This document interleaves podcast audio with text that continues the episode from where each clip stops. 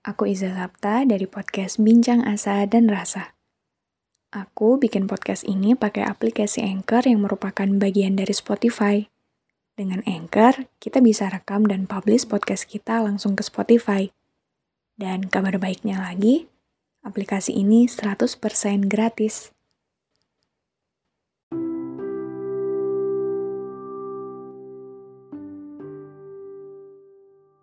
Kalau ditanya seberapa besar rasa percaya kita terhadap diri kita sendiri, kira-kira apa jawaban kalian?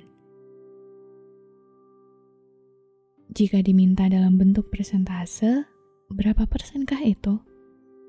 100 persen? 80 persen? Atau bingung berapa persen?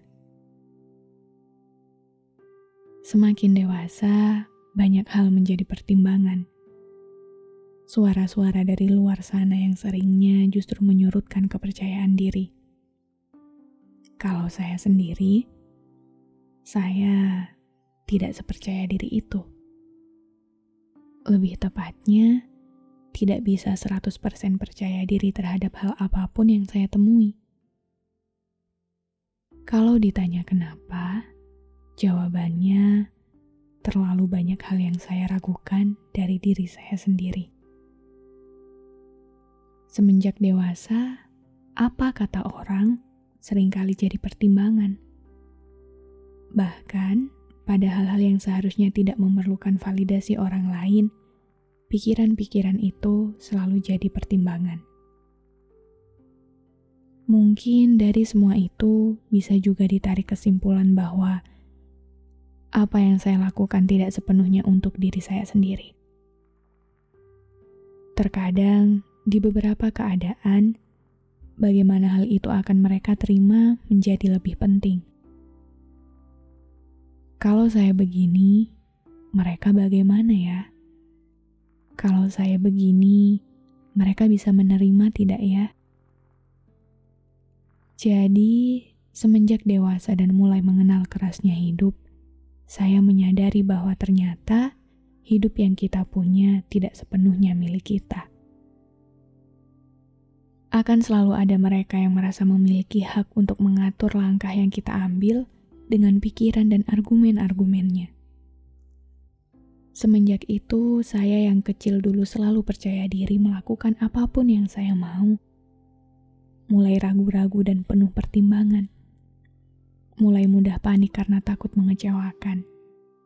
Takut tidak sesuai harapan, takut tidak memenuhi ekspektasi banyak orang. Jadi, kalau ditanya seberapa besar saya mempercayai diri saya sendiri, jawabannya tidak sebesar itu. Saya yakin sekali banyak di luaran sana yang juga merasakan seperti ini ada di posisi yang tidak selalu nyaman dan sering kali membuat kita meragukan diri kita sendiri. Tapi apakah hal itu bisa menghambat langkah kita?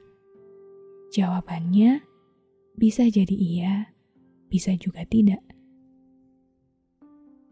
Iya, jika segala urusan itu hanya kita biarkan masuk dan menguasai diri kita sepenuhnya.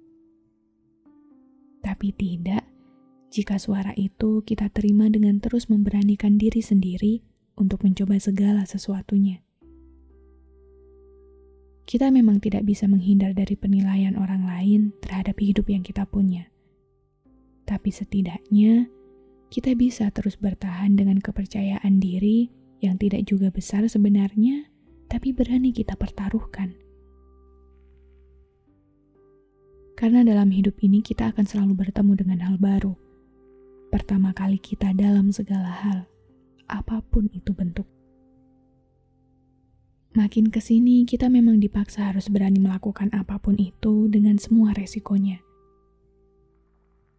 Makin ke sini kita memang harus berani mencari tahu sendiri tentang seberapa jauh sebenarnya kita sanggup berlari.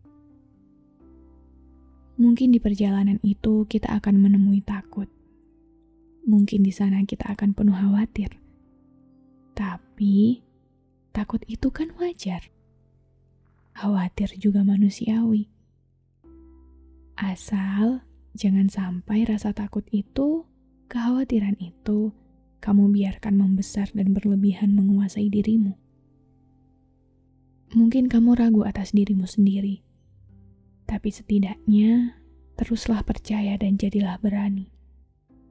Karena terkadang tugas kita itu sesederhana percaya saja pada diri kita sendiri. Baru setelahnya kita bisa melihat seberapa kuat kita, seberapa hebat kita selama ini. Tidak harus untuk semua orang, untuk diri kita sendiri saja dulu. Itu sudah lebih dari cukup. Karena kalau terus takut dan tidak berani mencoba, kalau terus khawatir dan tidak berani melangkah, bisa tahu dari mana kalau kita bisa.